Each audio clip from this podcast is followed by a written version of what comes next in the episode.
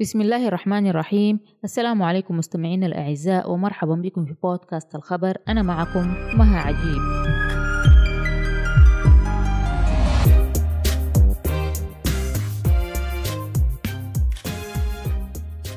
نتناول اليوم اجتهاد صادمة لمسنة إسرائيلية أطلقتها حماس. قالت المسنة الإسرائيلية يوفخد ليفتشيز التي أفرجت عنها حماس الاثنين الماضي إنها تلقت معاملة جيدة واهتماما وتوفير جميع الاحتياجات في الأسر وانتقدت الجيش الإسرائيلي ووصفته بأنه لم يكن مستعدا. جاء ذلك في تصريحات صحفية أدلت بها ليفشيتز يوم الثلاثاء من أمام مستشفى بإسرائيل حيث تتلقى الرعاية الطبية بعد الإفراج عنها. وحسب وكالة الأناضول التركية قالت ليفشيتز عاملونا بشكل جيد واهتموا بجميع احتياجاتنا وقالوا لنا إنهم أناس يؤمنون بالقرآن ولن يضرونا وأضافت عشنا نفس الظروف الموجودة داخل الأنفاق. أكلنا الخبز مع الجبن الأبيض والخيار تماما مثل ما أكلوه في إشارة إلى مقاتلي حماس. وقالت أيضا كان معنا طبيب يأتي كل بضعة أيام وكان المزعج يتأكد من إحضار الدواء. كنا خمسة في المجمل وكان لكل منا حارس واحد. وفي مساء الاثنين أعلنت القسام إفراجها عن محتجزتين إسرائيليتين. لدواعي إنسانية ومرضية قاهرة. وقالت في بيان نشرته وكالة الأناضول قمنا عبر وساطة مصرية وقطرية بإطلاق سراح المحتجزتين. نوريت يتسحاق ويوخفد ليفشيتز علما بأن العدو رفض منذ الجمعة الماضية قبول استلامهما. وأضاف البيان قررنا الإفراج عنهما لدواعي إنسانية ومرضية قاهرة. رغم ارتكاب الاحتلال لأكثر من ثمانية خروقات للإجراءات التي تم الاتفاق مع الوسطاء على الالتزام بها لإتمام عملية التسليم. أثناء تسليمها من قبل مقاتلي حماس قامت ليفشيتز بمصافحتهم وعن سبب هذه المصافحة قالت لقد عاملونا بشكل جيد واهتموا بجميع احتياجاتنا. وبشأن تفاصيل أسرها أشارت إلى أنها أسرت ونقلت على دراجة نارية قائلة اختطفوني على دراجة نارية وطاروا بي نحو الحقول وساقاي على جانب واحد ورأسي على الجانب الآخر. وأضافت وصلنا إلى نفق ثم مشينا كيلومترات على أرض رطبة. وهناك نظام عملاق من الأنفاق مثل شبكة العنكبوت. وصلنا إلى قاعة كبيرة تجمع فيها 25 شخصا وبعد بضعة ساعات قاموا بفصل الناس ووضعهم في غرف منفصلة وفقا للكيبوتسات الكيبوتسات أعتقد هي المستوطنات. على ما أعتقد. ولامت لفشز الجيش والحكومة في إسرائيل على وقوعها أسيرة غائلة لم يكن الجيش الإسرائيلي مستعدا للهجوم. كنا كبش فداء للحكومة. تم تجريمنا. ولم نعتقد أننا سنصل إلى هذه النقطة.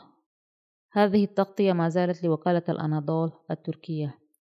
نيويورك تايمز الأمريكية قامت بتغطية تسليم الرهائن أيضا وتغطية المؤتمر الصحفي الذي عقدته ليفشيتز في المستشفى حيث قالت أيضا في تغطيتها نيويورك تايم الأمريكية إن خاطفيها أولوا اهتماما خاصا بصحة الرهائن وقدموا لهم الأدوية والشامبو ومنتجات النظافة النسائية. تم إطعام الرهائن بنفس الطعام الذي كان حراسهم يتناولونها. وجبة يومية واحدة من خبز البيتا ونوعين من الجبن والخيار. وقالت أيضا لقد كانوا مهتمين جدا بالجانب الصحي حتى لا نمرض. وتولى المسعف مسؤولية إحضار الدواء لنا. كان يأتي كل يومين أو ثلاثة أيام للإطمئنان علينا وإذا لم يكن لديهم نفس الدواء فقد أحضروا لنا أدوية بديلة. نيويورك تايمز الأمريكية قامت بالتركيز أيضا على أن ليفشيز أثناء تسليمها إلى اللجنة الدولية للصليب الأحمر أنها كانت تمسك بيد أحد أعضاء مقاتلي حماس وقالت له بالعبرية شالوم التي تعني وداعا ليفشيز تم اختطافها مع زوجها زوجها ما زال آه، في الأسر وهما كانا من بين مؤسسي كيبوتس نير عوز وهما أيضا من نشطاء السلام في إسرائيل. ننتقل إلى تصريحات الوزير الأمريكي وزير الخارجية الأمريكي أنتوني بلينكين في الاجتماع الوزاري لمجلس الأمن الدولي بشأن الوضع في الشرق الأوسط. الخطاب طويل ومستفيض ولكن من خلال تلخيص له أو التطرق إلى أبرز النقاط التي تناولها. أولا بدأ بالإغرار بحق إسرائيل بالدفاع عن نفسها وشج وإدانة حماس. ثانيا ضرورة حماية المدنيين وأبدأ تعاطفه مع المدنيين الفلسطينيين حيث قال وكما أوضح الرئيس بايدن منذ بداية هذه الأزمة تتمتع إسرائيل بحق الدفاع عن نفسها بل بواجب القيام بذلك إلا أن طريقة قيامها بذلك مهمة. إلا أن طريقة قيامها بذلك مهمة. في اعتقادي أي أنها يجب أن لا تقصف المدنيين أو أن توقف الحرب.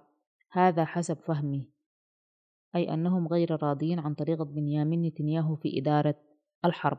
كما قلت مرارا وتكرارا.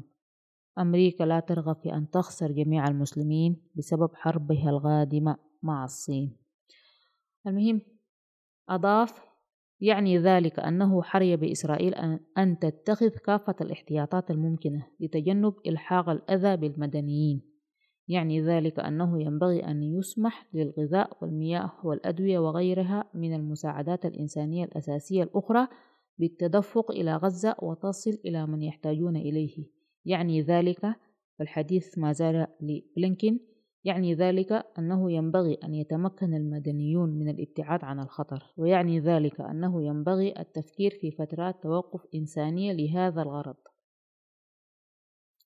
كما قلت من الواضح أن واشنطن غير راضية على بنيامين نتنياهو.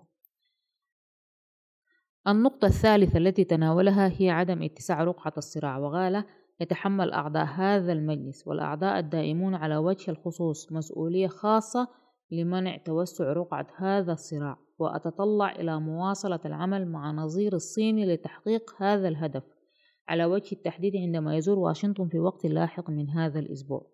لا يخفى على أحد في هذه القاعة وفي هذا المجلس أن إيران قد دعمت لسنوات حركة حماس وحزب الله والحوثيين وغيرها من الجماعات التي تواصل شن هجمات على إسرائيل. ولقد هدد الغاد الإيرانيون بشكل روتيني بمحو إسرائيل عن الخريطة وهاجم وكلاء إيران بشكل متكرر في الأسابيع الأخيرة في الأسابيع الأخيرة الموظفين الأمريكيين في العراق وسوريا. والذين تتمثل مهمتهم في منع تنظيم داعش من الظهور مجددا. لذا اسمحوا لي أن أردد أمام هذا المجلس ما قلناه مرارا وتكرارا للمسؤولين الإيرانيين عبر قنوات أخرى. لا تزعى الولايات المتحدة إلى صراع مع إيران ولا نريد لرقعة هذه الحرب أن تتسع.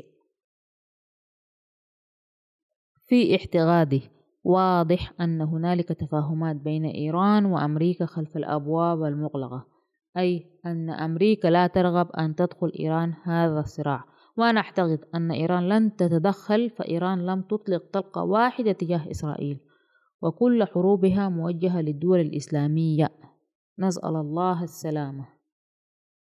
النقطة الرابعة والأخيرة والتي تناولها بلينكن هي ضرورة مضاعفة الجهود الجماعية لبناء حل سياسي دائم للصراع بين الإسرائيليين والفلسطينيين. وقال يتمثل الطريق الوحيد لتحقيق السلام والأمن الدائمين في المنطقة والطريقة الوحيدة للخروج من دائرة العنف المروعة هذه بحل الدولتين لشعبين وأضاف كما أكد الرئيس بايدن منذ البداية يستحق الفلسطينيون تدابير متساوية من الأمن والحرية والعدالة والفرص والكرامة ويتمتعون بحق تقدير مصيرهم والوضع الخاص بهم. لسنا واهمين بشأن صعوبة تحقيق حل الدولتين ولكن لا يسعنا التخلي عن السلام على قرار تعبير الرئيس بايدن وعلينا أن نكافح أكثر في الأوقات الغاتمة المماثلة لنحافظ على مسار بديل ونبين للناس أنه من الممكن تحسين حياتهم بشكل ملموس بل هو أمر ضروري. حل الدولتين هو مصطلح ظهر بعد حرب سبعة وستين أو حرب النكسة. حرب النكسة التي انتهت بهزيمة الجيوش العربية وانتصار جيش الاحتلال الإسرائيلي. بدأت الدول الغربية وخاصة في وسائل الإعلام إنها تروج لحل آه، الدولتين في إنه آه، تسوية الصراع من خلال حل دولتين. حل الدولتين يعني إنه تقسيم الأراضي آه، الفلسطينية إلى قسمين. قسم يكون تابع لدولة الاحتلال الإسرائيلي والتي اتأسست سنة 48 واسم يكون آخر تابع لدولة فلسطين على حدود سبعة وستين. أي يعني إنه إسرائيل تنسحب من الأراضي الفلسطينية اللي احتلتها بعد حرب النكسة. أي حرب سبعة وستين. دمتم بخير. السلام عليكم ورحمة الله تعالى وبركاته.